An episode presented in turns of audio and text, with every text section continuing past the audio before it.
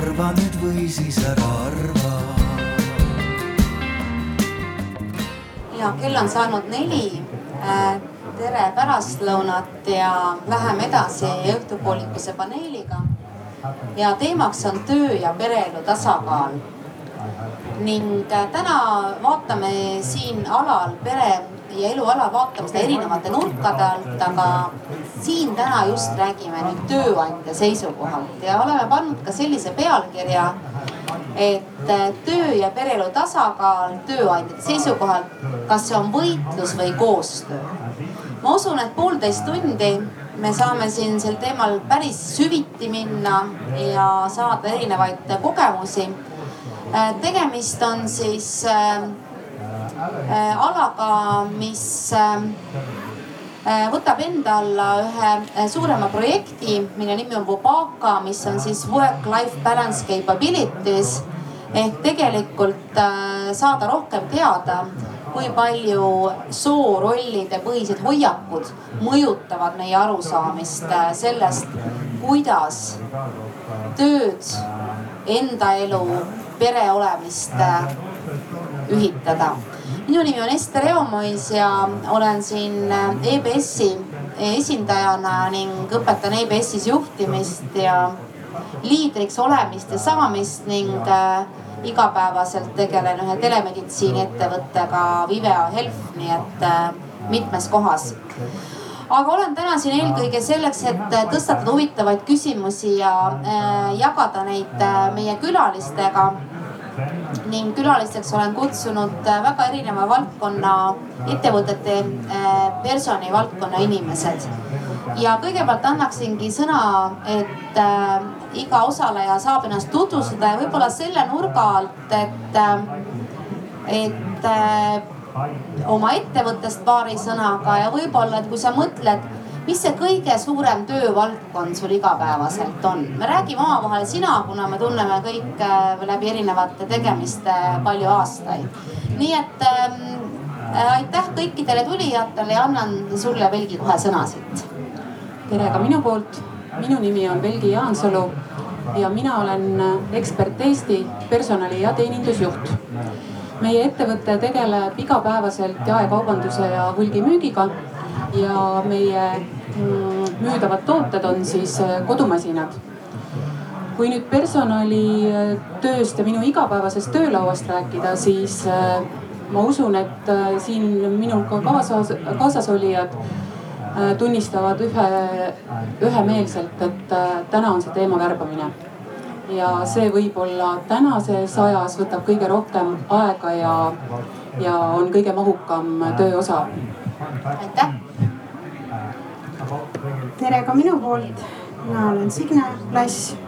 ja mina olen Helmesest, kes on siis tarkvaraettevõte. et jah, meie põhitöö ongi siis erinevate tarkvaralahenduste tegemine ja meil ei ole ühtegi omatoodet, nii et me teeme neid siis sellistele teistele ettevõtetele. ja minu töölaualt äh, ma olen nõus värbamine, aga, aga kuna me ka tegutseme eri riikides, et siis praegu pigem laienemine ja kasv ja värbamine on paraku kõigil turgudel, eriti IT-sektoris sama teema, nii et jah, aitäh tere ka minu poolt, mina olen Kristina Sisin, Breakwater Technology personalijuht. tegeleme ka tarkvaraarendusega. ettevõte on noor, oleme kolm ja pool aastat siis turul olnud ja ma ütlen ära, et mul on olnud privileeg nii-öelda olla siis ettevõtte asutamisest saadik seal personalijuht ja, ja luua seda ettevõtte kultuuri, et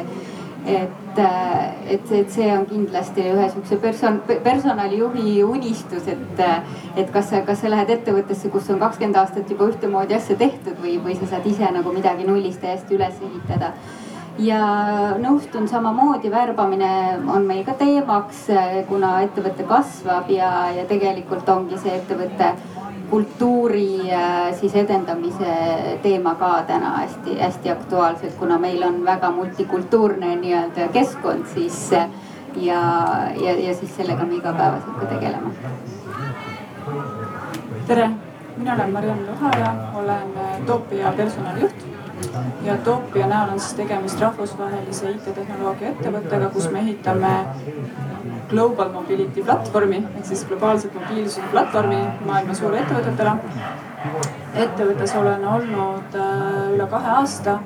ja täna ma siis äh, katan äh, üksinda kogu personalivaldkonna teemad siin Euroopas ja, ja UK-s. värbamine võtab väga suure ampsu, aga, aga jõudumööda katsun ka kõike muu äh, kõige muuga hakkama saada ja siis tegelikult globaalsel tasemel äh, kogu sellise kultuuriprogrammi ja protsesside loomine ka. tere, mina olen Ülle-Matt ja Swedbankist ja pangandus, ega siin tutvustada võib-olla muud suuremat ei ole, ei ole vaja, aga, aga me oleme sisemiselt väga eripalgeline ettevõte ja ma ütleks, et minu töölaual täna on kõige aktuaalsem teema need muutunud töösuhted, et milliseks kujuneb tööelu äh, koroona ajastu järgselt ja ka võib-olla jääva koroona ajastu äh, jooksul aga sisemine talendiarendus kindlasti on see, et, et mis on peamised ja võib-olla olengi see must lammas täna siin seltskonnas, et värbamine ei ole võib-olla minu jaoks täna nii aktuaalne. et vaid pigem ikkagi need töösuhted, et milliseks kujuneb see tööelu ja selle kujundamine ühes suures ettevõttes jah, aitäh, et täpselt, et see värbamine ja õigete inimeste leidmine, eks ta ikka päris servapidi puudutab täna, täna meie teemat ka. eks, et kui me räägime siis töö ja äh, pereelu tasakaalust, et, et mille järgi inimesed oma ettevõtteid nagu valivad. no kui me nüüd vaatame nagu uuringuid ja ega ei ole vaja siin lahtisest uksest äh, tegelikult sisse murda. et ilmselgelt äh, uuringud näitavad seda, et kui on peresõbralik töökorraldus, kui on ettevõttes töö ja pereelu tasakaal, siis inimesed on õnnelikumad töö läheb paremini ja mitte ainult ei ole töö juures õnnelikumad, vaid tervikuna naudivad oma tegemisi rohkem.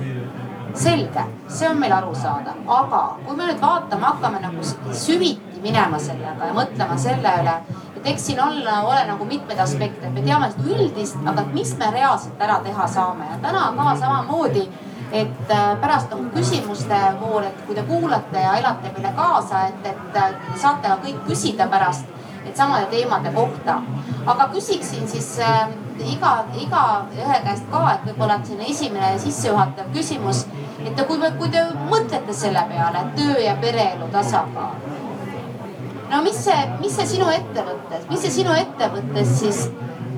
kõigepealt tähendab, et kõigepealt tähendab, kõige rohkem tähendab. hakkame kuskilt siit Kristiina sinust äh, pihta. kuidas, palju sul on see väga rahvusvaheline, see, palju sul inimesi on? See on, Ester, see on väga-väga hea küsimus. Ja, ja mina, kui hakkasin nii-öelda oma ettevõttes seda teemat siis käsitlema ja arutlema, ma võtsingi kogu ettevõtte inimesed kokku ja küsisingi, mis see teie jaoks work-life balance, mis asi see on. Ja ma kuulasingi ära noh kellel on pere, kellel ei ole peret, mis, mis see nende jaoks tähendab, et see, see ei tähenda täna seda, et, et äh, kas kaheksatunniste tööpäevade asemel tehakse, ma ei tea, neliteist, kuusteist või äh, või äh, kas sa pead puhkuse ajal töötama, siin on nagu väga-väga lai, lai spekter sellele, et, et kas sul lapsega midagi lasteaias juhtub, kas sul on võimalik ära minna? Äh, kas, äh, kas sa puhkuse ajal pead tööd tegema või sa saad täiesti välja lülitada, eks ju siin, siin on nagu nii palju selliseid aspekte ja ma arvan, et tegelikult tulekski alustada küsida töötajate käest, et kuidas nemad seda mõistavad. aga no kui sa mõtled, et kui lähedki nii-öelda erinevaid vastuseid, no mis sulle endal oli nagu selline üllatuseks või kui sa nagu neid kuulasid, et mis, mis oli üllatuseks või sellist, mis sa mõtlesid, oh, et tõesti peab kuulama, noh selge see, et peab kuulama noh, ma arvasin, et võib-olla sealt jah tuleb see tööaeg ja, ja kõik selline ja see, see paindlikkus on ju, et noh, kaugtöö ei tähenda seda pere ja tasakaal, elu tasakaalu on ju, et sa võid kaugtööd ka kuusteist tundi päevas teha ja nii edasi. aga tuligi see, et, et mul on energiat peale tööpäeva näiteks tegeleda lastega, spordiga, hobidega, kõrval muu, muude projektidega, et, et, et see, see töö koormus ja sisu ja see kommunikatsioon ja see tiimi vibe ja kõik, et, et, et, et sa oleks ka võimekas peale tööaega nii-öelda, et, et see oli nagu just see energia poole väljatoomine, et noh, ma olen jõudu ja tahtmist täis ka peale oma tööpäeva. aitäh. kuidas teil, sul on jaekaubanduse poole peal, et mis seal see töö ja pereelu tasakaal inimeste jaoks kõige rohkem tähendab? kuna meil on jaekaubanduses selliselt, et, et on need inimesed, kes paindlikku nii-öelda kodukontorit ja, ja paindlikku tööaega kasutada ei saa. ehk siis kaupluse müügipersonal ja, ja on need, kes on kontoris ja saavad seda aega kasutada, siis meil on nagu kaks erinevat aspekti. pere ja tööelu tasakaalu loomulikult hindavad seda kõik, et, et oluline osa on täpselt seesama just see energia. et mul oleks jõudu, jaksu toimetada ka siis, kui ma olen ukse enda selja tagant kinni löönud. aga Eh, ja see tähendab siis seda, et äh, näiteks kaupluse personal väga-väga palju hindab seda, et meeskond peab olema suurepärane. Need inimesed, kellega ma kaksteist tundi koos veedan või üksteist tundi, sest jaekaubanduses äh, nagu kõik teavad, on ju reeglina dikteerib äh, tööaja sulle kaubakeskus, kus sa oma kauplust pead ja, ja väga palju seal läbirääkimisi olla ei saa, et keegi ei saa isetegevust teha, et et meil õhtul kell üheksa klient ei käi, paneme uksed varem kinni. kahjuks seda võimalust ei ole. et, ähm, et äh, tegelikult äh, seal ühte-teist annab, äh, annab ära teha. aga oluline on just jah see, et inimestel oleks võimalus koos töötada selliste inimestega, kellega saab aeg-ajalt pulli, kellega saab aeg-ajalt nalja kellega sa saad tõsiselt ähm, rühkida ja rahmeldada ja võib-olla rasketes olukorrad, kordades, äh, kellele sa loota saad. et just see on nagu oluline, et kui ma olen selle tööpäeva ära veetnud, siis on mul veel ka jõudu peale üheksat koju minnes, võib-olla küll magavat last nähes, aga abikaasaga veel paar sõna juttu vesta. et äh, see on ülioluline kontori poole peal on, on pigem vastupidi, et on võimalus paindlikku tööaega sättida, toimetada aga seal tuleb hästi jälgida seda, et äh, kodukontorid ja, ja distantstöö, et äh, inimesed kipuvad üle töötama. Sest hommikukohvi juues teed arvuti lahti, see võib juhtuda hommikul kell seitse, sa alustad tööd ja sa lükkad selle kaane kinni siis, kui sul on sinu arvates viimane meil vastatud aga see võib olla ka õhtul kell kümme. nii et äh, selles mõttes jah, et äh, erinevad aspektid. me tuleme selle teema juurde tagasi, et see paindlikud töövormid täpselt, et ka Ülle ütles, et noh, milline see uus töökeskkond nagu saab olema. et kui me mõtleme, me kõik äh, oleme olnud aktiivsed tööelus juba pikemat aega ja seesama kaugtöö tundus ju mingil hetkel, et see on see võimalus hästi-hästi planeerida, siis täna tegelikult on see, et meil tuleb inimestele õpetada seda, et kuidas nad noh, tegelikult lülitaks ennast tööst välja. et, et see koht, aga siis seesama küsimus, et töö ja pereelu tasakaal. no Helmes, olete palju asju uurinud, kas olete ka seda inimeste käest küsinud? Ja olen küll ja mm, oleme ja just, just nimelt hiljuti kevadel äh, alustasime ka täiesti selliste well-being surveydega või siis nagu ütleme nii, et heaolu uuringutega ja, ja me oleme, me olime ka hästi, hästi, meil oli seesama energia küsimus endal hästi peas ja me mõtlesime ka välja, olime hästi nagu erutatud, et just nimelt, et oluline pole see, mis su energia on hommikul või tööpäeva jooksul, aga mis õhtuks saab. Ja me küsisime seda ja noh, tõesti erinevates tiimides olid need tulemused loomulikult ka erinevad aga, aga üldine tendents oli näha, et eks see energia ikkagi päeva jooksul nagu huvitav oli see, et ta oli hommikul pigem madal, sest päeva jooksul inimesed tõmbasid ennast käima, eks ole. ja siis õhtuks vajus ära ja siis me mõtlesimegi, et nojah, aga mis siis kodus saab. Aga kuidagi oli kurb näha seda, et kui me noh, seal olid ka korrelatsiooni analüüsid, et mis siis nagu seda nagu heaolu mõjutab siis paraku selles korrelatsiooni analüüsis just see õhtune energia nagu no üldse mingisugust nagu noh, mõju ei avaldanud nagu sellele lõppseisundile. nii et äh, noh, jälle õpikoht, et, ähm, et vahel tulebki mõelda, et ikkagi peab ennast ka usaldama, et aga nii see meie, meie selles uuringus tuli, aga kui mõelda, et mis meie puhul on see töö ja pereelu, siis äh, ka üll-, noh, iseenesest võiks ju mõelda, et äh, programmeerimine on äh, suures osas ka hästi individuaalne töö, et mis seal siis ikka, see peaks hästi sobima ja tõesti seda on kerge korraldada, igaüks läheb oma koju ja võtab oma, saab oma tehnika ja, ja lauad-toolid kõik sisustatud. aga meie puhul just äh, oli näha seda, et seesama meeskonna aspekt on hästi oluline tegelikult ja meil on väiksed meeskonnad, arendusmeeskonnad, seal ütleme ideaalis seitse inimest ja just nimelt, et kuidas nemad nüüd selles uues keskkonnas koos kõigi nende erinevate eelistustega, kes tahab olla rohkem, on sotsiaalselt, tahab olla rohkem koos kellel sobib väga hästi päev otsa olla pidžaamas ja, ja sahistada vaikselt kodus et äh, need asjad tuli nagu tööle panna ja need olid täiesti uued kokkulepped, mida tuli teha, mida tuli arutada. ja ka see, et tõesti, et äh, see kodus olek äh, võis tähendada seda, et tegelikult seal ei saa tööd teha. et kui seal on lapsed, kui seal on teised, kes tahavad samamoodi tööd teha, et, et kõiki neid olukordi jah, tuli uuesti nagu lahendada aga see heaolu uuring, mis te olete teinud, sa ütlesid, et see, et see õhtuenergia, et see ei olnud nii impactful või nii mõjukas. aga mis need olid seal, mis eh, kõige suuremat mõju selle heaolule siis äh, välja tõid, mis tegurid ähm,? ütleme, et need korrelatsiooni analüüsid tehti puhtalt nüüd meie, meie organisatsiooni vastuste pealt, nii et need ei pruugi kehtida igal pool, igas me, sektoris. täpselt, aga ta ongi nagu sinu ettevõtte aga just, et meie puhul, mis oli näha, et oli, oli siis selline noh, ütleme, mis on muidu klassikalised asjad jah, et äh, ma saan aru, mida ma teen ja mul on head suhted. meie puhul kriitilised olid äh, see, et äh, kuidas ma tunnen ikkagi, kas ma arenen. kas mul on head võimalused, kas keegi minuga räägib minu arengust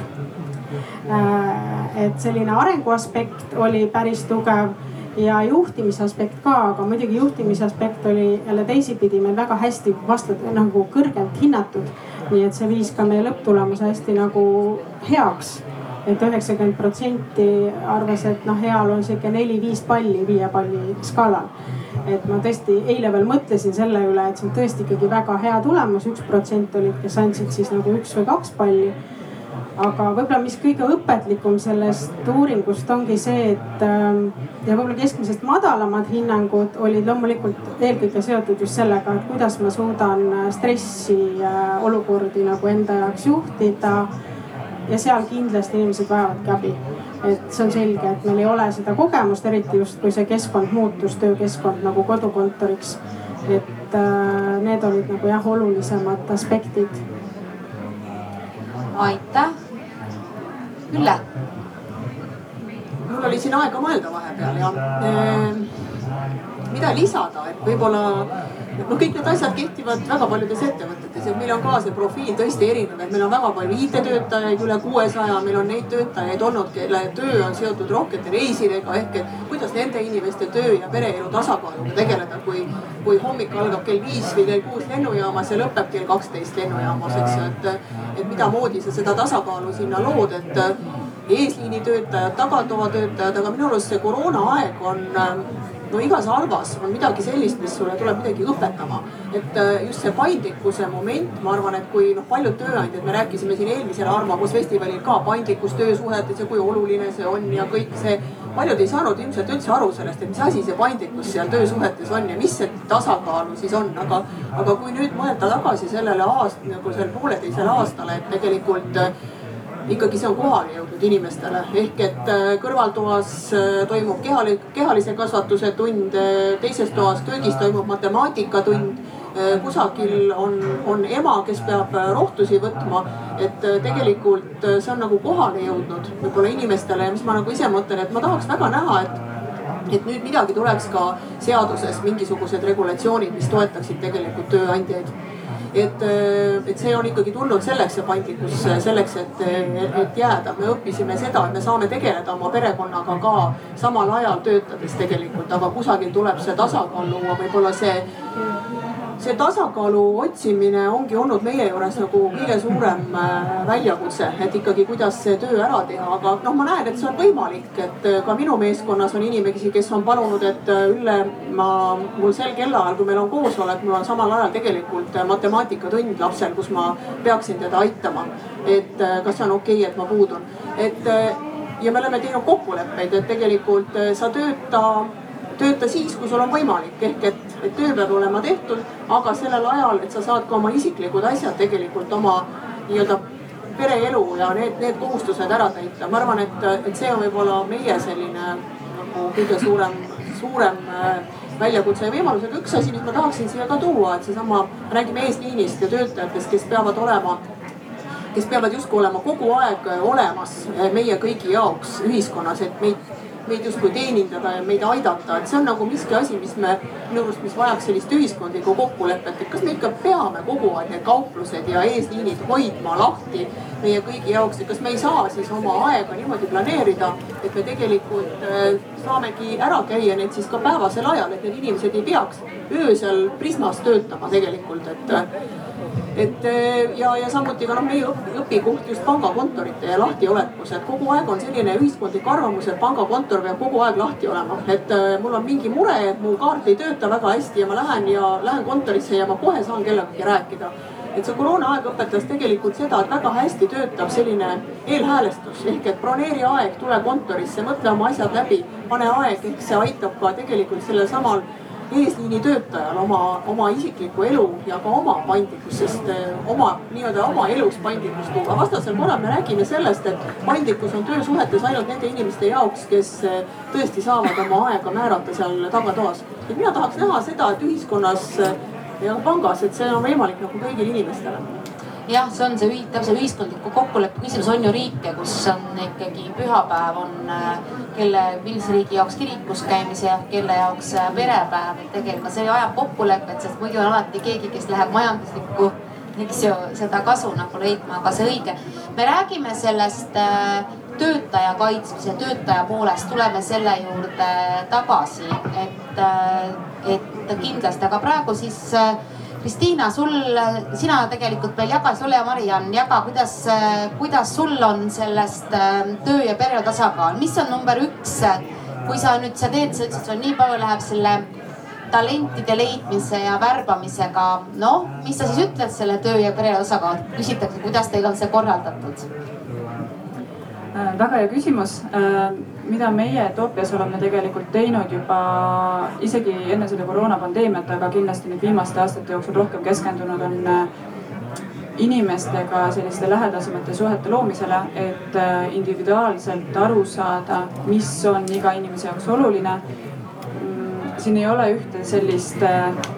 ühte kindlat protsessi või programmi, mis sobiks kõigile meie inimestele, kõik on absoluutselt erinevate taustadega, erinevast elukeskkonnast, on pereinimesed, on üksikud inimesed, on inimesed, kes on Eestisse kolinud, kellel ei ole mitte kedagi teist siin. ja, ja hästi palju paneme tegelikult viimasel aastal rõhku sellele, et julgustada inimesi ise mõtlema, mis on nende jaoks vajalik, et neil oleks elus see tasakaal olemas ja siis sellest rääkima, sest tihtipeale on ikkagi niimoodi, et äh, kui inimesed ise seda ei mõtle, siis nad ei oska ka sellest rääkida tööandjale ja samamoodi kui, kui mindi siis võib-olla suurelt kodukontorisse ja kui siin räägiti nüüd pidžaamas sahistajatest on ju, tõesti esialgu paljudele võis tunduda, et oo jube mõnus, et ma saan päev läbi pidžaamas sahistada. ja paari kuu pärast tegelikult oli näha, et selle inimese selline energia, motivatsioon langeb ja ta ise võib-olla ei tulegi selle peale, et võib-olla peaks vahepeal need pidžaamad ka ära vahetama ja, ja minema õue liikuma ja, ja suhtlema inimestega väljaspool tööd. et selliste kogemuste jagamine alates ka juhtkonna tasemel on tegelikult meil väga-väga asjakohane praegu ja seda me teeme ja julgustame inimesi. aitäh, et lähemegi sinu küsimusest edasi, et kui vaadata ka uuringuid ja et, et selge, see võib tuua, võib tuua välja üldisi, üldisi põhimõtteid, noh et kui vaadata siit erinevaid just selliseid heaolu uuringuid, et siis seda töö ja pereelu tasakaalu eelkõige seostatakse paindlikkusega ajas, noh töö, tööajas ja, ja töövormis. aga et äh, ütlevad kõik uuringud ka, et, et see rahulolu olukorraga Äh, rahulolu töö ja pereelu tasakaaluga, rahulolu oma tegemisega on väga erinev, sõltuvalt sellest, kui vana sa oled, näiteks millises, kus eluetapis sa oled. samuti tuuakse välja rahvuselisi, kultuurilisi erinevusi ja tuuakse välja ka äh, kas siis naised või mehed ja võib-olla midagi veel, tooge nüüd oma tööst nagu mingid sellised konkreetsemad, näiteks kui te räägime, et jah, et kuulame, räägime, eks ju, et kas te võite näiteks tuua mõne võib-olla päris sellise huvitava näite, et kas on ootused noh organisatsioonis sellele, sellele töö ja pere tasakaalule erinevad, kui te vaatate oma töötajaid? Kohe toon näite, kes on rahvusvahelised ettevõtted, kus on palju ka välismaal, kas neil on teistsugused ootused? Kristiina, et kuidas sul on, sul on mitu rahvust, sul oli, sa ütlesid, sul on seal ju. Äh, ja meil on praeguseks kuskil kuuekümne ringis inimesi no. ja, ja kuskil kakskümmend kaks eri rahvust on juba, juba meil koos, et äh, äh või siin võib-olla natukene tuleb see kultuuriteema nagu sisse, et, et kui me just räägime siin sellest nii-öelda paindlikkusest ja võib-olla vaba aja andmisest ja kõigest sellest, et, et võib-olla keegi tahab tähistada oma rahvuspüha ja, ja kõike, kõike sellist. aga, aga nagu ma ütlesin, et mul on olnud algusest peale võimalus seda nagu ettevõtte kultuuri kujundada ja juba juba, juba värbamistel ka kuulata ära inimeste enda ootused nagu, et või, või, või, või mida nad ei soovi, mida nad on kogenud eelmises ettevõttes näiteks, eks. et äh, tegelikult ma arvan, et kõikidel on nagu sellised äh,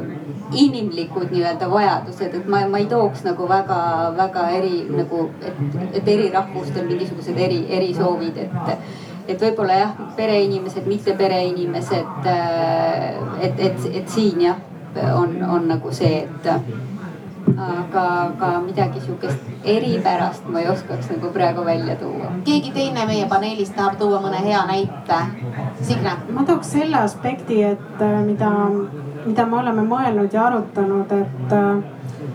et on ju teatud nagu seaduses nii-öelda välja toodud riskirühmad või kes iganes väikeste lastega vanemad ja kellel on nii-öelda alati õigus valida, kuna ma puhkan ja nii edasi. või kui sul on lasteaed kinni, siis on ju selge, et kus sa selle lapse siis paned. Et mida me oleme avastanud, et tegelikult peaks just nimelt ka noh, kasvõi selle lihtsa puhkusegraafiku puhul. Jälgima seda, et ükski töötaja ei jääks nii-öelda sinna, sinna lõksu, et tema on see, kes kunagi ühtegi eelisgruppi ei kuulu ja, ja nad ütlevad, noh, me ise arutasime, et kuigi noh, meil olid seal ka lapsevanemad ja, ja isegi osad nemad ütlesid, et noh, nüüd mul on lapsed suured, et vanasti mul oli isegi natuke piinlik, et kogu aeg nagu noh, kõik vaatasid, et okei okay,, et kuna siis mina saan minna, sest mul olid lapsed. et ma arvan, et see on nagu hästi oluline õppekoht, et äh, jah, need vajadused ongi erinevad ja kõigile saab nagu äh,, kõigile saab mõelda ja ma ütleks ka nii, et äh, kui seda teha tiimi tasandil, et see peab olema tiimisisene kokkulepe. ja mida väiksem see tiim on, jällegi seda ilmselt lihtsam teha, aga neid kokkuleppeid nagu saab ja tuleb teha ja inimesed hea meelega tegelikult ka mõtlevad kaasa või saavad aru, nad ju tunnevad oma kolleege ja nende, nende olukorda et just nimelt, et mitte kedagi suruda sellesse, et äh, sina ei kuulu sinna mingisugusesse erikäsitlust vajavasse gruppi. ja väga hea, ma ka, mul on ka hea kogemus, ma kohe kommenteerin, aga ma annan Ülle sulle sõna, nii. ole hea. just sellest võib-olla koroona ajast ka nagu mõned head näited, meil on ka palju värvatud äh, väljaspool Eestit ja väljaspool ka Euroopa Liitu. Ja mida ma näen, et on äh, huvitav see on huvitav, see on väga hea, et see, mida ma kuulen, et, et teised paljud teised rahvused nagu itaallased ja, ja, ja hindud, et neil, neil on kuidagi, nad rõhutavad alati oma sellise puhkuseplaanide seadmisel oma, kogu oma peret et ta tahab olla koos vanematega. et see on see võib-olla, mida meie eestlastena võib-olla noh, nagu ei ole harjunud, eks ju. et ta toob selle välja, et tal on oluline sõita koju või tal tulevad vanemad siia või ta tahab olla koos kogu oma perega. ehk et see noh, suur nii-öelda seltskond saab kokku ja selleks nad teevad siis kõik plaane ja siis tullakse oma palvega tööandja juurde. Ja ma tahan öelda, noh, me tuleme ju vastu sellele, et see ongi nagu väga hea, et me, aga tahaks võib-olla rohkem kuulda seda, et eestlased ka tulevad ja räägivad, et, et ma teen oma puhkuseplaane, mul on emal või isal samal ajal puhkus, me tahame kogu perega puhata. et äh, sellised mõnusad, äh, armsad vauasjad on olnud jah, aga iseenesest, et väga õige, ma, mul kohe äh, väga selgelt klikkis selle sinu mõttega, et mul endal on siis tööalaselt väga pikk kogemus apteegikettidega. teadaolevalt apteek, meil on selline sooline segregatsioon töökohtades, on mingid töökohad, mis kuuluvad naistele. ka nagu personalijuhte on päris palju naisi silmaga vaadates. nii on ka apteekrid on enamus naised ja ma juhtisin apteegiketti, kus oli siis no üks kolm-nelisada töötajat, pea kõik naised ja ikka selles eas, et on äh, lapsed ja on, kõik tahab koolivaheaeg on ja lasteaed on kinni, kõik nagu ühel ajal. no vot, see oli tegelikult pähkel, no ma räägin ka siin mingist noh ja, ja tõesti ja mul, kui sa ütlesid, et väikses tiimis on lihtsam teha, siis tegelikult äh, mina jälle ütlen, just väikses tiimis oli raskem teha, sest sul on apteegis viis inimest, noh, sul on nagu väga vähe nagu ruumi no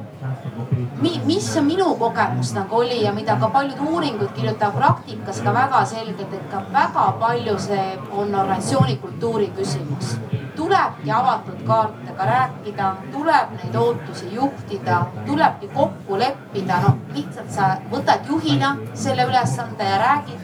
me tuleme üksteisele vastu ja räägime avatult neist äh, teemadest, et ta ei ole selles mõttes ainult selle puhkusegraafiku tegemine, vaid ta on üksteisega arvestamine ja meeskonnana töötamine, et alati küsida, et see on nii keeruline teema, et kuidas seda lahendada. Et tegelikult see töö ja pereelu tasakaalu teema on hästi palju organisatsiooni kultuuri teema, et kuidas me nagu neid asju äh, väärtustame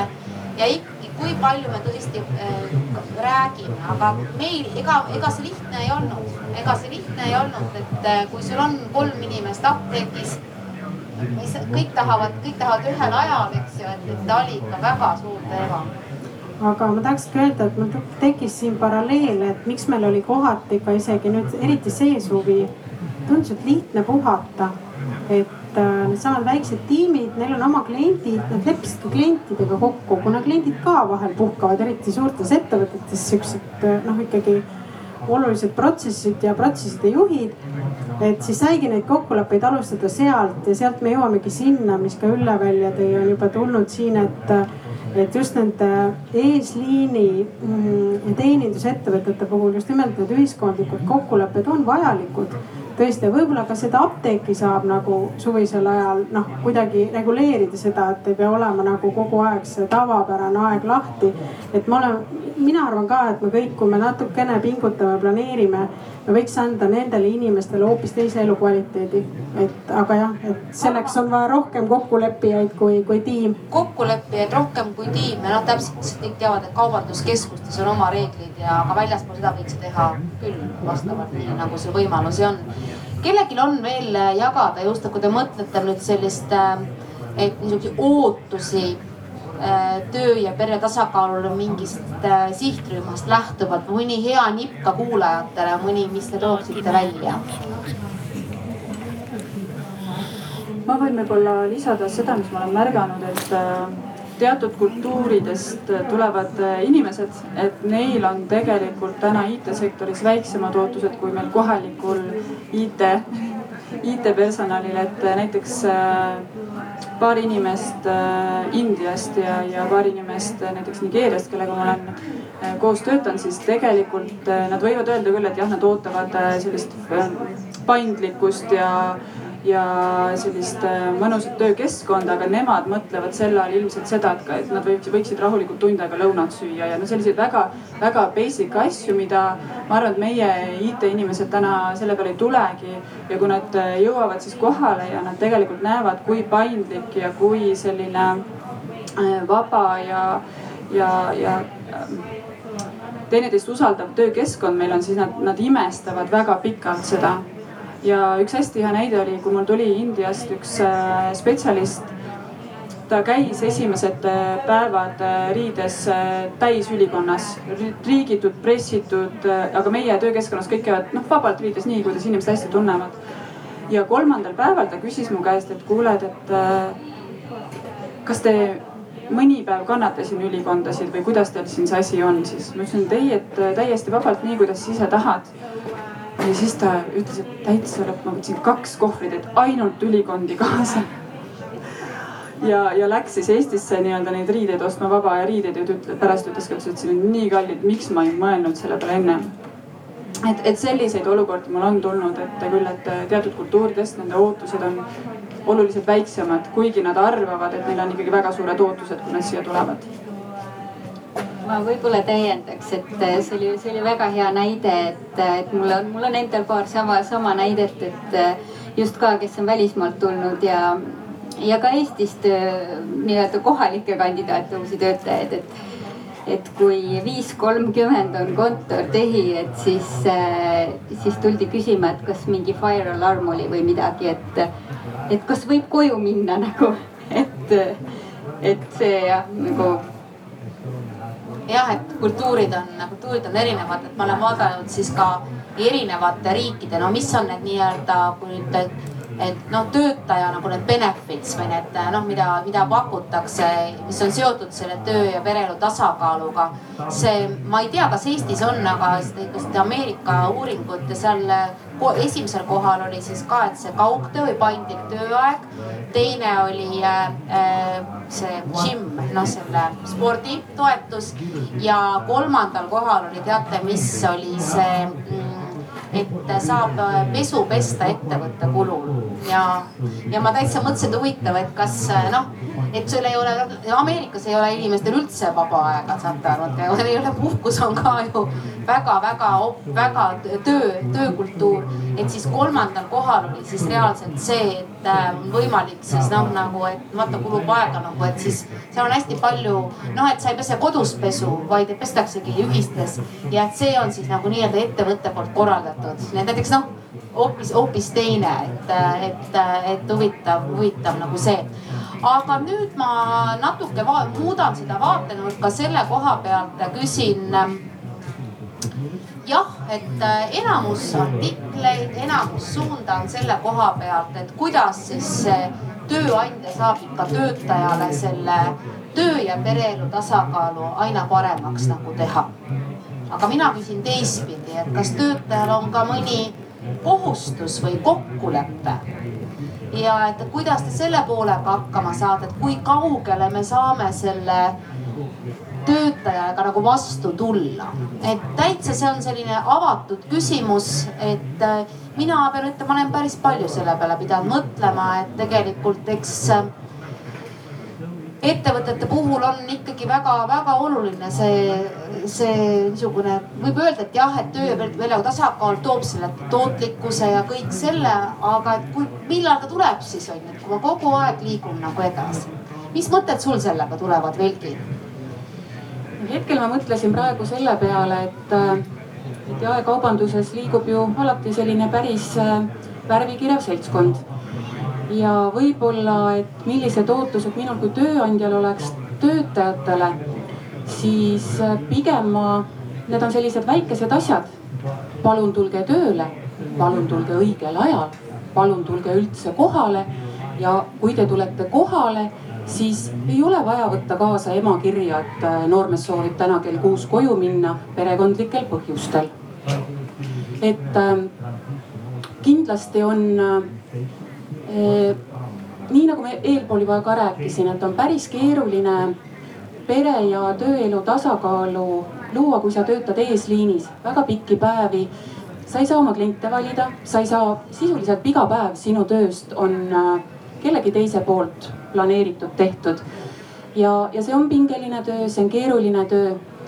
aga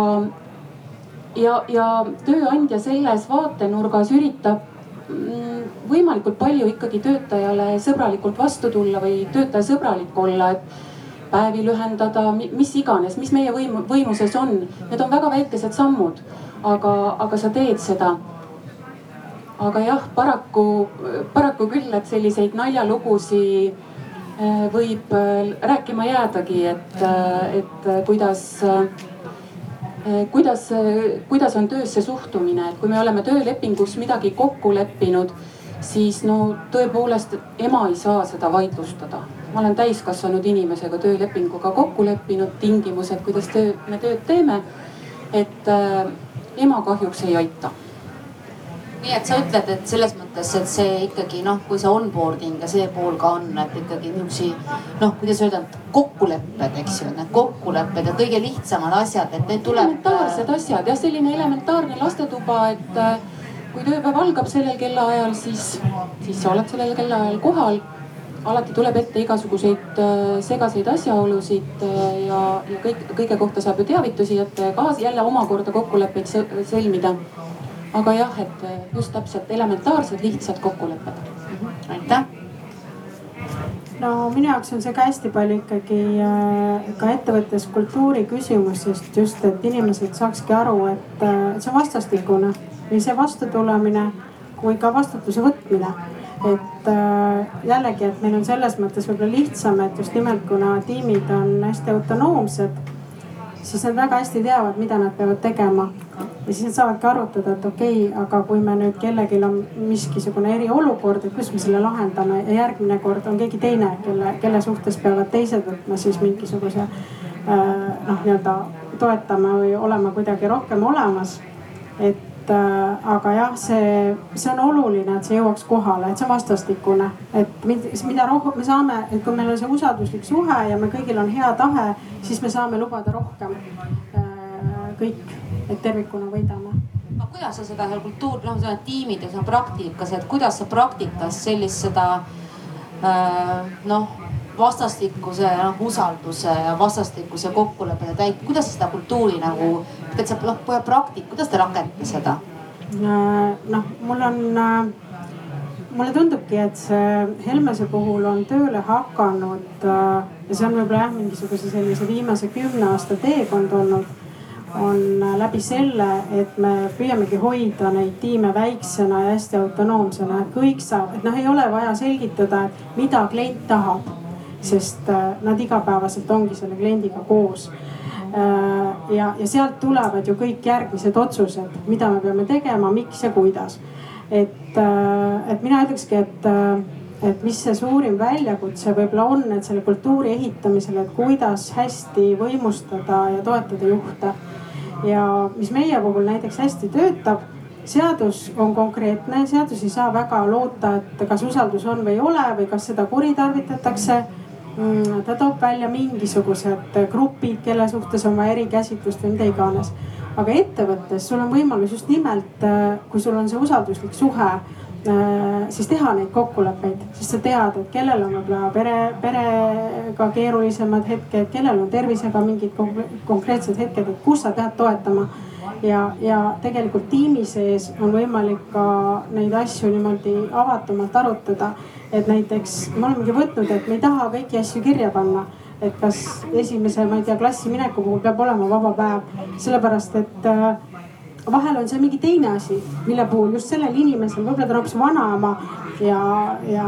on kuidagi nagu ühises leibkonnas ka oma lapselapsega, kes läheb esimesse klassi. no miks mitte, tema võiks ju ka saada võtta selle vaba päeva sellel päeval, kui annab tööd korraldada. aga see ei tähenda seda, et, et kui me paneme kirja, et nüüd kõik vanemad ka saavad, et vähem kirja panna ja rohkem just nimelt ehitada see kultuur läbi selle, et juht, kes siis ikkagi teab, mis toimub et kuidas tema saab teha neid otsuseid ja vähem nagu ka ei peagi neid registreerima. et nad lihtsalt lepivad kokku, et see inimene on see päev, kas mõni tund, pool tundi, terve päev ära ja,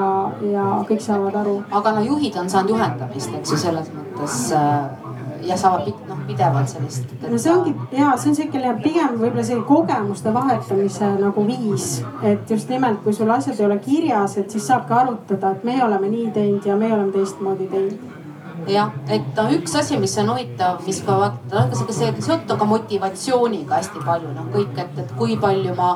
tahan panustada kõik, et me räägime tiimidest ja siis kõikidel ka kuulajad mõtlevad, inimeste jaoks noh, erinevad asjad motiveerivad ja asjad demotiveerivad. Ja üks, mis on demotiveeriv, on tegelikult see, kui ma tunnen, et mina nagu panustan rohkem või teistpidi, et mina nagu saan kuidagi olen nagu vähem saanud millestki nagu osa, et noh, et seetõttu, et tiimis, tiimijuhi, see, et tema tegelikult, kui palju, see on juba kokkuleppe küsimus, aga et inimesed on võrdselt koheldud, et kui üks inimene pidevalt tunneb, et et teine kogu aeg saab puhata või kuskil nagu käia, tema peab üksi töö ära tegema. et see on väga lühikese, kiire lõpuga ettevõtmine, see on üks juhtide peamisi ülesandeid tegelikult ikkagi jälgida ja vaadata, et inimesed saavad, saavad panustada võrdselt, eks ju, ja, ja saavad ka hüvedest osa, aga aitäh. Veel näiteid siis äh, sellest just tööandja poolt. Me tegime oma paindliku tööaja korralduse reeglid või nii-öelda need põhimõtted, just sellised head tavad, et äh, kaks tuhat seitseteist. Ja siis me mõtlesime selle üle, et, et oleks äh, noh kui me räägime kaugtööst ja paindlikkusest, just seesama, et, kui sul on palju selliseid tagatoatöötajaid, et on noh, hea aeg, et noh, inimesed on mingil ajal nagu olemas, see täpselt, mis nüüd tänagi on, et, et millal siis, millal siis on pidžaama nagu trinksärgi vastu vahetatud ja millal sa koosolekul saad osaleda. et, et see selline ajaaken, et millal siis kõik oleksid olemas, et, et sa tead, et sa ei sega kedagi, ütleme niimoodi, et võib-olla tal on matemaatikatund muul ajal või mis iganes lapsega, et et see ei läinud nagu ülearu hästi tööle, ütleme niimoodi, et aga ja põhjus oligi selles, et inimesed võib-olla ei mõistnud seda kõik nagu ühtemoodi, et, et need sellised ühtsed kokkulepped, aga täna, kui see, kui see vajadus on tulnud, ma ütlen ikka, et inimene nagu võtab selle, mis ta maailmapildis olemas on. kui ta sellest üldse aru ei saa, sa võid kirjutada, sa võid rääkida, tegelikult jagub ikka juhte, kes panevad ikka poole viieks koosoleku nõnda, et, et siis üks inimene ei jõua lapsele järgi, eks ju aga, aga täna ma arvan, et ongi see selline pilt on nagu loodud üldiselt, see koroona on meid sinna surunud ja me natuke rohkem saame aru. ehk et, aga noh, mingid, mingid kokkulepped peavad olema, millal siis inimesed on olemas, millal, millal sa tead, et sa võid noh, nad siis koosolekule kutsuda või, või siis nii-öelda telefonile, eks ju et see on kindlasti üks pool, aga ma olen Signega hästi nõus, et fookus ongi sellel me ei saa kõik kunagi, kunagi ühte, ühtmoodi lastetuba, see jääbki nii olema, eks ju, et aga aga mida saab üks organisatsioon teha, saabki tegelikult ju läbi juhtidega teada anda seda, et mida me ootame, et mis see on. Ja, ja kui inimene saab selle hea kogemuse, et kui ta ise pingutab, siis selleks ajaks ennast kohale, siis ta saab nagu mingi, mingi hea asja nagu selle eest vastu. Ja ja ma olen tootmisettevõtetes olnud pikka aega personalijuht ja ma näen, et inimesed õpivad väga kiiresti just nendest headest, headest kogemustest ja praktikatest, et. aga ma olen sellega nõus, et ei saa olla ainult nii, et ainult ühel on kohustused ja teisel on ainult õigused. et need peavad olema tasakaalus. aga see, mis pahatihti juhtub, on ikkagi see, et tööandjal on rohkem kuidagi neid õigusi ja töötajatel on sageli rohkem kohustusi, kui me noh, vaadake, vaadakem üle oma töölepingut, mis seal sageli on. et sama ilmselt juhtub ka, on ka Swedbankis, et ja need peaks tasakaalus olema, ma usun, et kui need asjad lähevad tasakaalu, siis tekib ka inimestel nagu suurem huvi, miks nendest reeglitest või põhimõtetest kinni pidada, kui ta tunneb, et sa räägid ise, et mis, mis inimest motiveerib. alati motiveerib see, kui sind koheldakse inimlikult ja inimesena. ja täpselt, et ma olen väga, aga täitsa üllatunud, kaks tuhat seitseteist tegite juba need kaugtöö reeglid. see tundub nii ammu, eks, et aga võib-olla ka teiste ka, et, et, et mis seal siis kirjas on, mida täpsemalt siis nagu äh, räägib ja kuidas see, see on, käib kõik, kõikidele töötajatele on üks. ja, ja see, see käib kõigile, aga noh, mitte jällegi mm, see, mida me innustasime, oli ka see, et need asjad tuleb meeskondlikult läbi arutada just seetõttu, nagu ma ütlesin, et tööprofiil võib olla väga erinev, et eesliinitöötaja ei saa, võib-olla noh, keegi peab olema, eks ole aga olemas on inimene, kes noh, peab lennukiga sõitma nagu selle tööpäeva jooksul, ka temal kehtivad nagu teised põhimõtted, ehk see asi tuleb meeskondlikult arutada, aga see, mida me tahtsime öelda sellega, et just et ei ole ainult äh, väikesed ja startup'id, kes saavad luua paindlikku töökultuuri, tegelikult saab ka suur organisatsioon, kui ta annab selle vastutuse oma juhtidele, kes siis oma meeskonnas neid järgivad. aga mida me tegime, oli siis see, me avasime, et enam ei pea salaja hiilima selle spordikotiga päeval jõusaali. et tegelikult, kui parim aeg päeval on teha füüsilist, mitte õhtul väsinuna, eks ju, füüsilist, et siis äh, see, et töö ajal võib käia spordisaalis et loomulikult see tund tuleb pärast tagasi teha, aga see on okei okay. võtta see aeg ja käia ära. on okei okay ära käia päeval erinevate perekondlike vajaduste ja põhjuste tõttu ja, ja me ei arvesta ka seda, võib-olla me ei aja nagu näpuga järge, et et selles, et kui sa nüüd oled kaks tundi arsti juures, siis sa pead need tunnid tagasi tegema. me pigem nagu räägime tööst ja töö eesmärgist ja töö tuleb ära teha, aga, aga noh, mitte nüüd sellest, et kas sa nüüd kell kukub, kas sa jõudsid täpselt tagasi sealt, et, et see on nii-öelda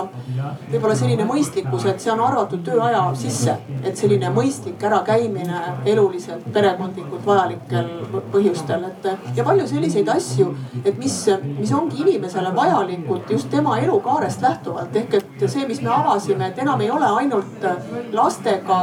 nagu lastega pered, et meil on tegelikult tekkinud juurde, pere mõiste on selles mõttes nagu jälle laienenud, et on eakad vanemad ja, ja veel eakamad vanavanemad, et kes, kelle eest tuleb ka hoolt kanda. et on üksikud inimesed, kellel on koerad või kassid, kellega tuleb käia arsti juures. ma tegin hiljuti ühte coaching ut kus, kus siis teisel pool oli, oli üks kolleeg, kes jõudis parasjagu, istus autos ja lülitas ennast siis nii-öelda sellele coaching ule ja ta ütles, et ta tuli just koeraga arsti juurest, et ära pahanda, et, et mul on koer ka autos. ma ütlesin, noh ei pahanda loomulikult, et koer käitus viisakalt ja lubas meil omavahel suhelda. tegelikult, et noh, see vot see ongi, see ongi paindlikkus, see, mis päriselt tuleb, mitte see, mis, mida sa, mida sa kirja paned, aga kuidagi sa pead selle ukse avama, et inimesed julgeksid neid asju kasutama hakata? Jah, et julgeksid kasutama hakata ja teiselt poolt ka noh, siis on, kui sa, kui sa ka rohkem nagu öelda, et tead sellest, siis on võimalik seda paremini ka juhtida, et, et äh, et mul on endal äh, kogemus oma, ka oma, oma tiimist, kus äh, noh, väga selgelt noh, mingi aeg tagasi, et inimestel oli, oli tööaeg, tegemist ostuosakonnaga, et ikkagi inimesed tulid kontorisse üheksaks ja teised tiimiliikmed hakkasid ütlema, näed, et üks inimene tuleb juba mitu-mitu nädalat nagu hiilib nagu noh, niimoodi hiilib kella kümnest on ju äh, kohale. ja hakkasid noh nagu mulle siis nagu rääkima niimoodi, et näed, et tema tuleb nagu hiljem, aga noh. muidu kõik väga osad, aga ta ei, ta ei rääkinud ja, ja mitu viisi nüüd juhina sellega lahendada, üks viis lahendada on hüpata peale, noh saad aru, öelda nii. teised siin rääk-, kus sa oled kus sa oled, miks meil hakkab kell üheksa tööpäev, kus sa oled? teine viis on tegelikult öelda, et ma olen märganud, et sa tuled, et räägi. kas midagi on ja tegelikult see oli see lähenemine, sa võid tõesti täpselt samale küsimusele läheneda ja tegin selle lähenemise selguski, et inimesel oli äh, ema ootamatult haigestunud ja ta peab iga hommik minema ja viima sinna nagu süüa. huvitav oli see, oli märku, märkimiskoht siis meile, et, ta ise seda ikkagi rääkima ei tulnud saad aru, et ta ikkagi ei tundnud ennast piisavalt turvaliselt meie organisatsioonis. et ta ei tulnud seda ise ütlema, vaid nii-öelda hiilis siis nagu äh, noh, nii-öelda siis, et, et keegi ei märka. no loomulikult äh, see saigi nii lahendatud, aga et see näitab ka, kui turvaliselt ja kui hästi ennast inimene tunneb ja, ja pärast seda me tegelikult äh, noh, ei rääkinud kohe otse selle näite, aga tegelikult julgustada inimesel, kui sul on tule räägi, et, et noh, me ju teame ise, kuidas on, kui sul laps läheb esimesse klassi, see on eluliselt oluline, et saaksid kaheteist paika ära käia ja viia ta kas siis pihkapäevarühma või, või kuhu iga, iganes, eks ju, jah tahtsin just öelda, et äh, minu arust see koroona jälle, kus me pidime nendes kodukontorites ja, ja siis nendes virtuaalsetes nagu keskkondades kohtuma. see näitas või noh, nagu, nagu soodustas just nimelt seda ka avanemist et äh, noh, meil sai ka nalja sellega, et meil oli mingisugune juhtide miiting, mis oli ka mingi vist kella nelja ajal. Äh, kusjuures seal olid erinevate riikide juhid ja siis äh, pärast jagati pilte, et see oli nagu mingi beebipidu. et äh, kellel siis oli jah, kui vana ja kuidagi trehvas, et seal oli mingis, ma ei mäleta, kas viis beebit lõpuks kokkuvõttes, kes olid allaaastased. olid siis kuskil seal süles või virvendasid äh, kuidagi või mõjutasid siis seda. et, et see tegelikult, ma arvan, et see hästi palju nagu avas või võiks avada just seda, et ma saan ka aru, et mis tegelikult, mis olukorras see inimene on. et millega ta veel peab tegelema, mille eest ta veel peab hoolt kandma et just nimelt me julgeks rääkida edaspidi ka, et, et lihtsalt seal olid need täpselt need kassid ja, ja, ja kõik asjad liikusid sealt ekraani tagant läbi. et, äh, et minu arust see pigem aitas kaasa, et just nimelt ongi põhjust nendest asjadest rääkida rohkem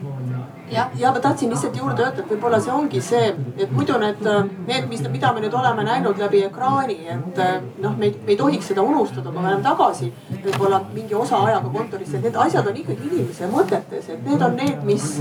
mis teda kas nagu motiveerivad või ärritavad või panevad muretsema, et kui see laps on, kui on see laps selles vanuses, et tema eest on vaja nagu hoolt kanda, ta, ta on ja ta on kusagil kellegi juures, siis on vanema mõtted ikka seal. nii et ma arvan, et natukene see on õpetanud nagu organisatsioonidele ka sellist inimese peale mõtlemist rohkem. et äh, ja miks mitte ka inimeseks olemist.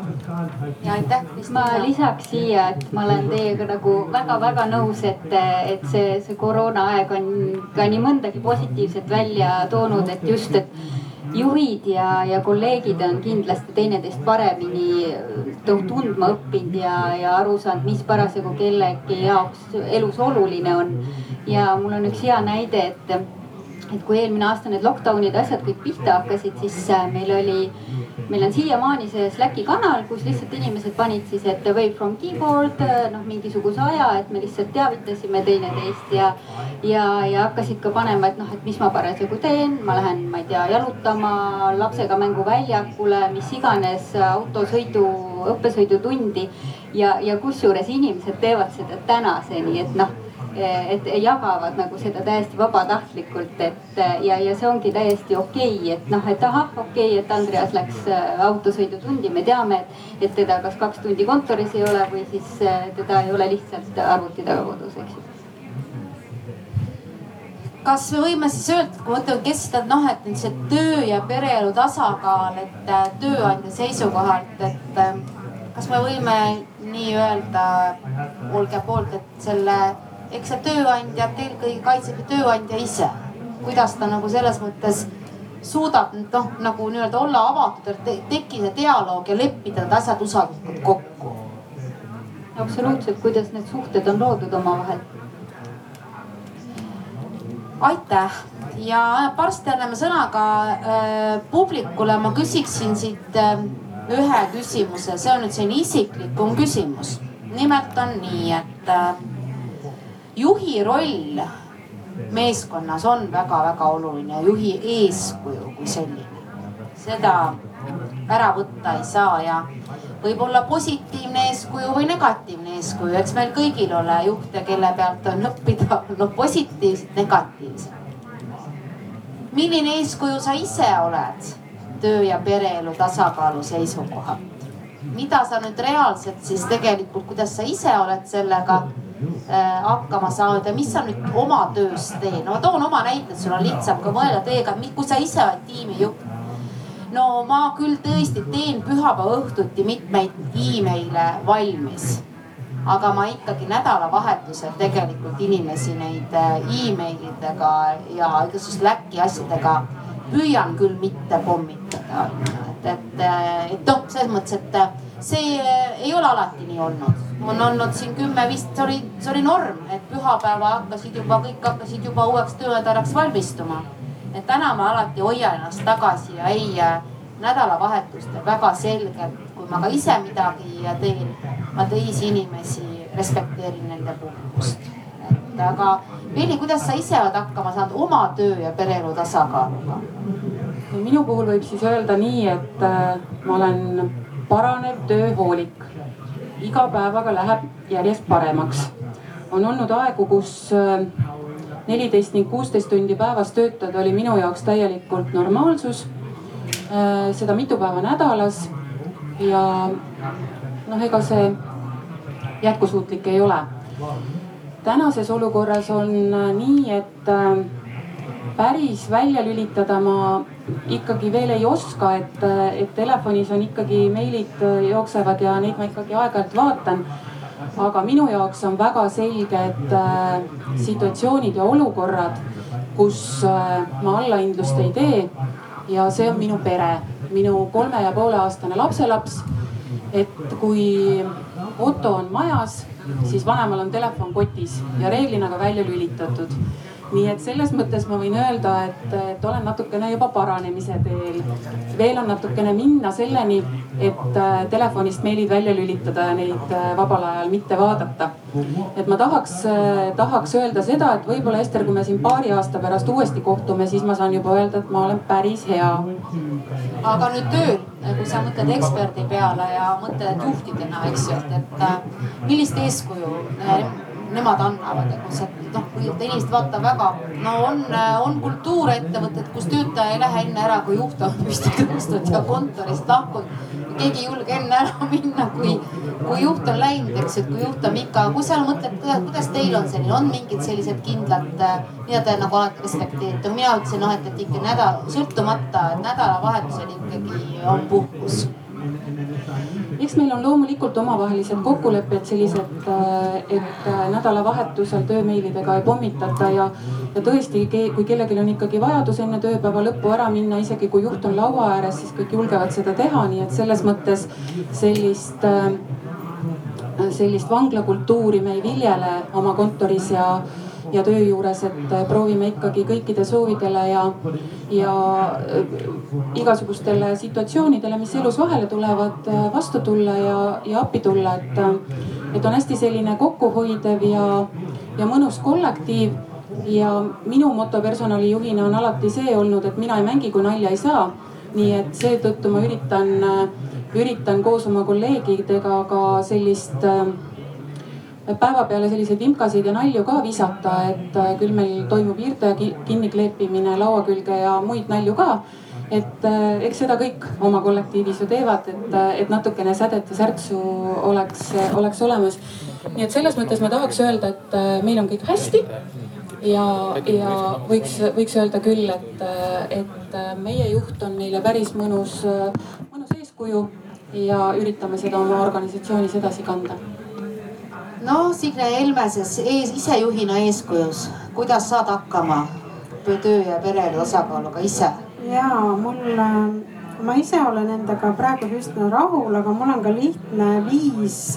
kuna mul on noh endal viieaastane laps, siis sa lihtsalt ei raatsi, see on nii põnev aeg. ta on sul, lapselaps käib ka vahel, arvan ma. aga, aga lihtsalt see on nii äge aeg ja, ja samamoodi nädalavahetustel ja ma mäletan, et, et umbes võib-olla kümmekond aastat tagasi, siis kui ma ise ka veel Swedbankis et ma mäletan seda, kus ma oma tiimis ütlesin, et see, et meil on nüüd kõigil laptop'id ja et te lähete koju ja ütlete, et te nii õnnelikud, te panete lapsed magama ja siis te hakkate oma meie mailidele vastama. et äh, see ei ole praktika, mis äh, on kuidagi nagu peaks, peaks tunnustama, et see näitab pigem seda, et, et äkki mul ikkagi, ma pean mõtlema, miks ma oma asju ei saa nagu töö ajal ära tehtud. et, et kuidagi see klikk käis minu mõtteviisis juba siis ja sul on hea, kui sul on see nagu tõesti nii selge põhjus, mis sind eemal hoiab aga samas noh, ma ise oma hea kolleegiga, kes on äh, noor inimene, üksi elab ja me saimegi jälile sellele kevadel, et ta ütleski, et ja, aga nüüd mul ongi see kodukontor keset mu suurt tuba, sest no mul ongi üksi elan kaks tuba ainult, magamistuppa õnneks veel ei viinud seda. ja mis ma seal õhtul teen, kõik kohad olid kinni, ma nagu istusingi kogu aeg selle laptop'iga ja, ja siis me tegime nagu sisust, noh, me arutasime, et kuidas me nüüd selle olukorra lahendame, kuna tal ei ole seda noh, noh nii-öelda naturaalset põhjust, mis teda hoiaks eemale. Ja siis äh, ta mõtles öö läbi või noh, nagu järgmine päev ütlesime, et magame selle mõttega. ja ta ütleski, et nii kõik, ma likvideerin oma kodukontori ära, ma hakkan käima kontoris. ja, ja siis mul on noh, mul lihtsalt ei ole kodus seda õhtul ja, ja et noh, selliseid, äh, see oli hästi nagu kuidagi mõtlema panev jah, et vahel tulebki täiesti ekstreemseid nagu mingeid olukordi nagu esile kutsuda, et, et see asi tööle saada. Ja teatud vanuses ongi ju töö tundub nagu kõige olulisem, noh, ma tean, et ma ise ka kuskil kuni kolmekümnendani kindlasti oli, oli see nagu A ja O äh,. aga, aga kui me mõtleme juhtide peale, siis ma tegelikult ei ole ei ole, ei saa öelda, et ma olen nagu hästi õnnelik, sest ma näen, et äh, neil on üks komplekssemaid ja pingelisemaid rolle äh, nendes tarkvarameeskondades, kui nad on kliendi vastas. Neil on kogu inimeste juhtimine, neil on tarkvara protsessi juhtimine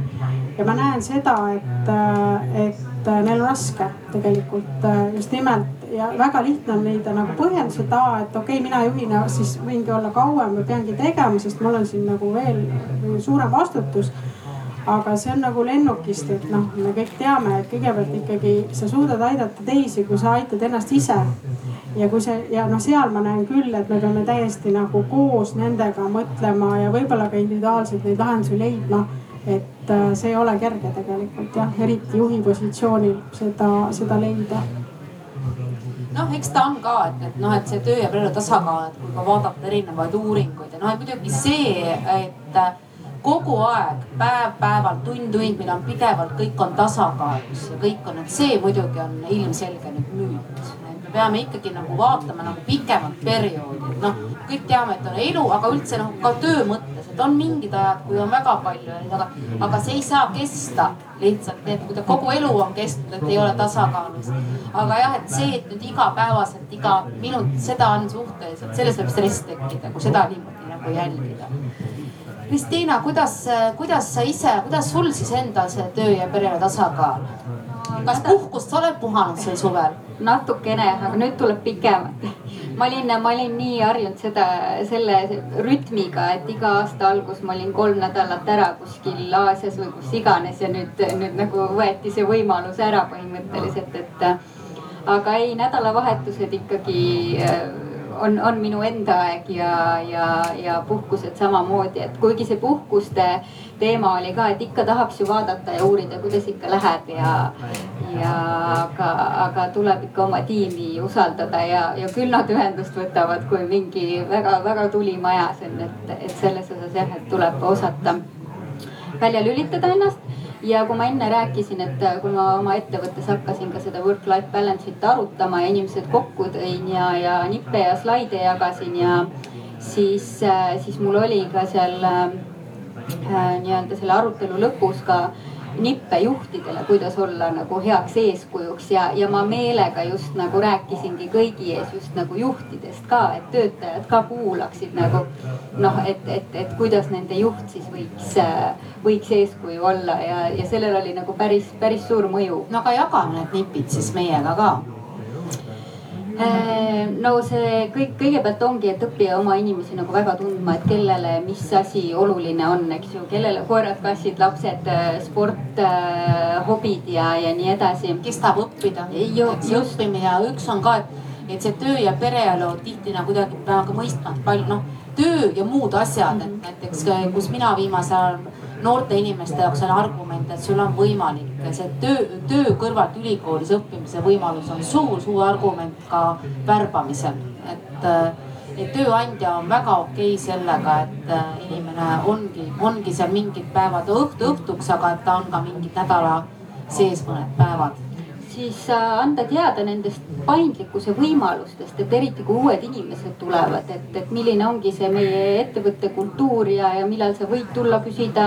ma ei tea, vaba aega või, või mis, mis iganes, eks ju. samamoodi olla ise eeskujuks, et sa ei saada pühapäeva õhtul kell kaksteist meile, et oh, et sa ei loodagi võib-olla seda vastust saada aga kui mõni kohusetundlik töötaja näeb, loomulikult ta reageerib ikkagi sellele, eks ju, et, et selliseid asju ja, ja puhkehetkel või peale tööd siis äh, kui tõesti maja ei põle, eks ju, et siis äh, samamoodi, et äh, saab hommikul ka neid asju arutada, et kui ei pea helistama töötajale kell seitse, eks ju, õhtul, et kuule, mis sa sellest arvad, et. et seal, seal oli, oli veel palju, palju variante, aga, aga oligi, et just, et töötajad said ka kuulata seda nii-öelda juhi, juhi vaadet, eks ju, et võib-olla millega siis oma juhi juurde minna või millele tähelepanu pöörata. ja aitäh, Mariann ma arvan, et ma tänaseks olen juba täitsa hea eeskuju, kuigi on ruumi äh,, ruumi edasi ka minna. aga mis ma olen siis võib-olla viimaste aastate jooksul õppinud, on ka see, et äh, nädalavahetused puhkuse ajal ma päriselt, ma ei äh, lähe isegi piiluma äh,, mis seal toimub äh, ma jagan väga julgelt inimestega selliseid aspekte, mis aitavad minul endal olla nagu tunda hästi ennast, on see siis äh, füüsiline trenn, on see siis toitumine. ja julgustan alati neid tegelikult mõtlema, mis siis nende puhul äh, toimib, et igal inimesel on need omad äh, vajadused. ja võib-olla üks sihuke kõige suurem näide viimasest aastast on see, et kogu selle koroona ajal inimesed ju ei taha võtta puhkust ka, sest nemad ütlevad, kuhu neil minna. ja, ja ma üritan pidevalt neile rääkida, et asi polegi selles minemises, vaid asi on selles, et sa lülitaksid ennast töölt välja ja eelmine aasta siis äh, detsembri alguses, kus oli kõige mustem, pimedam aeg, võtsime oma kaks nädalat puhkust välja. tööd ei vaadanud mitte grammigi ja, ja oli esimesed päevad olid rasked, sest tõesti mitte midagi polnud teha. kusagile minna polnud, oli sopane, oli pime, oli külm. aga kusagil ütleme neljandal-viiendal päeval ma sain aru, et tegelikult see on väga hästi. et, et seda mul oligi vaja ja veel pärast tagasi tööle minnes ma ütlesin ka inimestele, et, et see ei tähenda, et sul ei ole kusagile minna, et võta see aeg, et, et sa vajad seda aega. et, et sellised asjad on, mida ma teen ja samamoodi siis äh, julgustan ka meie oma juhte äh, rääkimast, mis neile toimib ja, ja meie juhtkond tõesti selles osas on hästi hea, et igakuisel sellisel ettevõtteülesel koosolekul tegelikult ka juhtkond alati toob välja võimalusi, mida inimesed saavad teha, mida nad saavad kasutada. kui keegi tahab keset tööpäeva ära olla, see on fine, pane endale oma aeg kalendrisse kirja, ole ära Äh, tee kõik seda, mis sul on vaja, et sina tunneksid ennast hästi ja samamoodi, et, et töö ei saa ju kunagi otsa. et äh, oluline on see prioritiseerimine ja arusaamine, et sa tuled. Aitäh, et sa tuled homme tööle tagasi ja see töö on ikka siin, et äh, see töö ei, ei jookse sul eest ära. aitäh. Ülle, kuidas, kuidas sul endal töö ja pere tasakaaluga? see on äh, igatemoodi elatud, ütleme nii, aga ütleme, et äh, pärast sellist, ütleme, et läbipõlemist päris ei ole olnud, aga ütleme nooremana ja sekretärina tegelikult oli paar korda ma seisin sellise ukse läve peal, kui perearst ütles, et nüüd, kas sa oled kuu aega kodus või sa hakkad antidepressante võtma. noh, ma valisin selle kodus ja, ja ma sain üle, kus see, kus see murdumispunkt tuleb ja, ja juhina ma arvan, et ma olen õppinud oma heade ja, ja ka võib-olla mitte nii heade juhtide eh, praktikast aga ma arvan, tähtis on see, et püüda olla mitte keegi teine, kui sa tegelikult oled. ehk siis eh, juhil minul on nagu väga oluline see autentsus, et ma olen see, kes ma olen. aga see tähendabki seda, et ma pean kogu aeg natukene paremaks inimeseks saama ehk endaga kogu aeg tegelema. aga autentsus, miks, et ma ei häbene ka öelda seda, kui midagi lahti on, ka minu elus, et mis julgustab tegelikult ka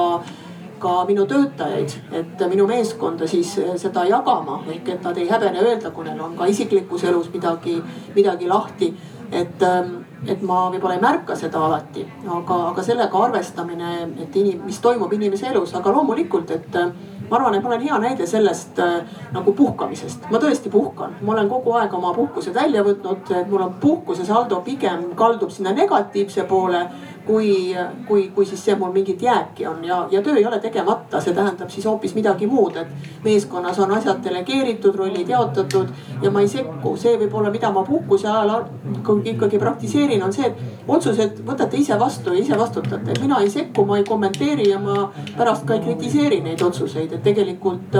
ja seda inimesed väga-väga hea meelega teevad e. emaili ei tohi tõesti saata õhtuti, aga kust see halb äh, kogemus või praktika hakkab minu arust nagu edasi arenema, on see, et mis toimub nagu nendes messenger ides. et, äh, et see, kus sul tuleb siis äh, koostööpartneritelt, erinevatelt inimestelt, Ülle, ole hea, jaga oma kogemusi ja see juhtub nagu pühapäeva õhtul kümme läbi, eks ju et, et võib-olla see on nagu see mingi distsipliin, mis, mida peaks tegema. ja justkui ei kirjutata sulle emaili, aga tuleb hoopis teisest kanalist, et sa hakkad just magama jääma, eks ju, ja siis tuleb plinn aga, aga jah, see eeskujuks olemine, ma arvan, on tähtis, aga see, et sa pead päriselt ka olema see, kes sa oled, mitte ainult nagu püüdma ja, ja teesklema, et nüüd ma puhkan, nüüd ma ei saada email'e, vaid et äh, kuidagi inimesed peavad nägema, et sa oled inimene seal taga ja siis, siis nad julgevad ise ka inimesed olla inimlikud. ma olen hästi sellega nõus, et see autentne või et selline ehtne juht, et see on hästi-hästi oluline. et ähm, meie Viveos on telemeditsiiniettevõte ja ka, et meil on seal koos nii kindlustusvaldkonna inimesed, arsti, arst ja väga suur IT-tiim. et meie reaalselt tegelikult, et äh, ei äh, noh, et kogu aeg on nagu tööd rohkem, kui jõuab ära teha, noh selline startup'ilik suhtumine, et noh, et suhtumine, vaid tegelikkus ja, ja kui ülikooli minnes tehakse tihti ülikoolis alguses sellist nagu õpioskuste koolitust, kuidas paremini õppida, kuidas paremini asju omandada. et siis reaalselt äh, läbi enda kogemuse me tegime sellise seminari või selle, kuidas siis parem, kuidas olla produktiivsem, kuidas paremini aega planeerida, kuidas paremini tööd planeerida.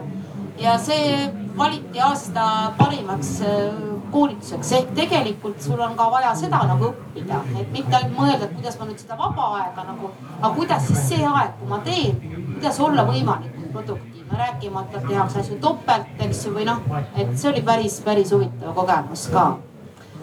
keegi tahab lisada? lisaks siia lõppu veel äh, selle paindlikkuse teema, just see puhkuste teema. et äh, et eelmine aasta jah, inimestel olid puhkuseplaanid tehtud, kes oli harjunud aasta alguses reisima ja, ja nii edasi ja, ja siin ma tookski välja selle tööandja poolse paindlikkuse, et kui nad ikkagi ei tahtnud seda puhkust välja võtta, et tõesti, mul ei ole midagi teha ja, ja kuhugi minna ja nii edasi. et siis me võtsimegi juhtkonnas selle äh, teadmise, et jah, okei okay,, me, me teeme seda, aga me olime ka arvestanud, et, et see aasta siis tulevad ka pikemad puhkused nii-öelda suvel tõenäoliselt, et see meil, me nagunii võimaldame inimestele rohkem puhkust, et meie arvestame puhkust tööpäevades ja, ja lisaks veel üks, üks nädal siis äh, tavapuhkusele nagu lisaks, et, et aga jah, see oli selline teadlik vastu, vastutulek nagu töötajatele aitäh, anname sõna nüüd äh, ka kuulajatele, on arvamusfestival, mitte nüüd see, et siin meie üksi räägime, oleme päris, päris kõvasti eetri täis ja rääkinud. kas keegi tahab kommenteerida või küsida? tervist, äh, mõtlesin sellist asja küsida, et äh, nüüd, kui inimesed töötavad kodust, et kas on olnud juhtumit, et olete pidanud kedagi vallandama, et kas on sellist kogemust olnud? minul ei ole sellist kogemust selle tõttu ei ole pidanud, et tegelikult on probleem teises kohas, et inimesed töötavad rohkem kui tavaliselt, ehk see nagu arvamusküsitlustes samuti, see tõusnud äh, produktiivsus ja efektiivsus, et see on nagu teisele poole kuidagi kaldunud, et et ma arvan, et need, kes muidu ei tahtnud tööd teha, need ei taha ka, ei taha ka kodus tööd teha, ehk et vastupidi, eks ju, aga see mina ei näe, et oleks tinginud, pigem on teine probleem teises kohas. Meie ettevõttes täpselt samamoodi. Ei saa küll öelda, et oled äh, selle tõttu, et keegi kodus tööd ei tee, äh, vallandama, et ei, pigem jah, oleme mures olnud selle pikemate tööpäevadega ja, ja suurema panusega. ma tahtsin lihtsalt täpsustada, et kas küsimus oli, et kas me oleme nii-öelda videokõne teel kellegi vallandanud või, või? just seda, et inimesed töötavad on nüüd äh, nii-öelda rohkem kodus, et, et äh, kas on tulnud ette siis selliseid case'e, kui tõesti on näha, et äh, tööviljakus on nagu nii palju langenud, et nüüd nagu mida teha mm? -hmm ja meil ka selliseid olukordi ei ole olnud, et pigem ongi see, et kes tahab sellist vabadust ära kuritarvitada, siis ta teeb seda ka kontoris olles. et ta võib seal tooli peal istuda, et aga see, mis ta seal arvuti taga teeb, see noh, kes seda käib seal vaatamas, et sellest meil ei ole olenenud ja meil ka ei ole, aga meil oli üks huvitav õppetund oli sellega, et uute inimeste nagu tööle tulekul, eriti noored, nad tulevad juuniorpositsioonidele. ja ongi, et kui tiim on väike, et iga inimese panus on nagu kuidagi hästi oluline. et siis vot nende sisseelatamisel näiteks me tajusimegi seda, et, et me täitsa tekitasime olukordi, et et nad tulid näiteks oma kolleegiga, kes oli nende juhendaja tööle või leidsid mingi võimaluse, kuidas koos teha. et seal tekkis see risk, et ta nagu ei saa nagu piisavalt nagu kiiresti või noh, ei saa nagu sisse elatud. ja need ootused on kõrged ja siis tal tekib endal see, eks ole, frustratsioon. et see oli selline ohukoht, aga jah, ei kedagi jah, ei. seda, et, et töö ei ole tehtud, et seda ei mitte okei okay,, aga siis ongi tegelikult ju väga huvitavalt tõestatud või ümber lükatud see varasem hirm nagu kodutööle üle minna, et jah, väga huvitav. Ja, ja teate, väga huvitav on see ka, et võib-olla see selline erandlik olukord sunnib kõiki pisut rohkem pingutama, ehk see ekstra mail, eks ju, see. Et äh, meie vaatasime seda, et äh, vabatahtlik tööjõu voolavus esimese tööaasta ajal vähenes hüppeliselt ehk et uued töötajad me värbasime täpselt samamoodi edasi ja see protsent siis, kes lahkub vabatahtlikult, vähenes tõesti, et et muidu inimesed võib-olla siis ootavad liiga palju seda, tööandja teeb, keegi teeb ära. Ja võib-olla siis sel hetkel juht pingutas rohkem ja programm oli sama, ütleme nii, sisseelamisprogramm, aga aga pingutas juht ja pingutas võib-olla töötaja rohkem. esimese tööjõu aasta voolavus näitab seda, kui hästi töötaja on sisse elanud, eks ju, kuidas ta saab oma tööülesannetest aru, milline on suhe meeskonnaga. tundub, et äh, me kõik pidime pingutama selle nimel rohkem ja, ja inimesed suudavad järelikult ennast paremini kokku võtma, eks lõd, lõdva periood oli möödas ja ma arvan, mida me kõik õppisime ikkagi oleneb, kes kui kaugel elab oma töökohast, aga eriti mingis natuke suuremas linnas või ka keskmise suurusega linnas, noh, mina võin öelda, et mina võidan iga päev vähemalt poolteist tundi, kui ma olen kodus. ja ma näengi seda, et äh, siis on ka veel oluline küsimus seda, millega seda aega sisustad. ja ma võingi öelda, et ma, ma arvan, et umbes fifty-fifty, et pool aega ma sisustan endale, ma teen näiteks pikem, kui mul on kodukontoripäev, ma teen pika, pikad jalutuskäigud ja, ja see ongi minu viis nagu täpselt siis nagu noh, ja siis mul tulevad ka head mõtted, mis on tegelikult igasuguse tööga seotud. Ja siis vahel ma tõesti teen ka nagu hommikul, mul ongi see vaba aeg juba ja siis, mis ma ikka teen, võtan oma läpaka lahti ja vastangi sealt mingeid meile. et äh, ma arvan, et see võidetud aeg on tegelikult hästi oluline, mida, mida inimesed avastasid, mis nad juurde said. nii töö kui eraelulisteks asjadeks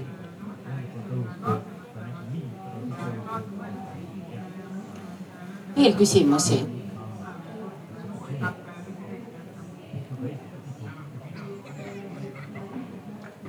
Mina tahaks ikka selle õhku visata, see, mis ma kuulsin seal ka eelmises poliitikaalal sellest, kas, mis siis saab, kui töös nii-öelda, kui enam inimesed ei taha töötada üheksast viieni ehk et see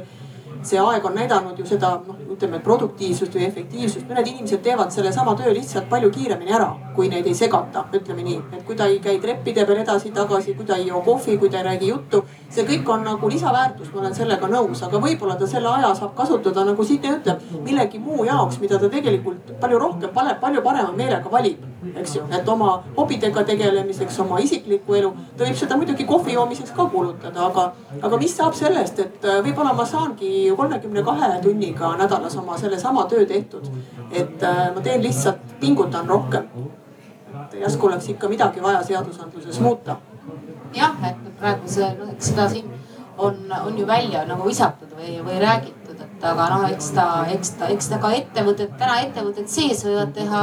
oma, oma kokkuleppeid, et, et kuidas seda teha, et aga tingib kindlasti see, kindlasti siis ütleme nii, et, et sinna töösuhetesse ja see töö ja pereelu tasakaal nagu üldse töösuhe eks hästi palju äh, on see kvalit-, see on sellest usaldusest ja kokkulepetest, mis me siin päris, päris palju nagu rääkisime. tänu sellele, et ka rohkem ja rohkem on see organisatsioonikultuuri ja juhtide küsimus ka, et, et eks kõik alustasime sellest, et kõik me täna värbame inimesi, noh aga me ühelt poolt on nagu veel defitsiit ka inimesi ei ole, et siis on ju eriti oluline, et need inimesed, kelle me siis saame, et nad meie sinna kultuuri sellega sa tuleksid kaasa ja oleksid nagu koos. aga mina olen samamoodi, et, et äh, isegi äh, täpselt, et kui sa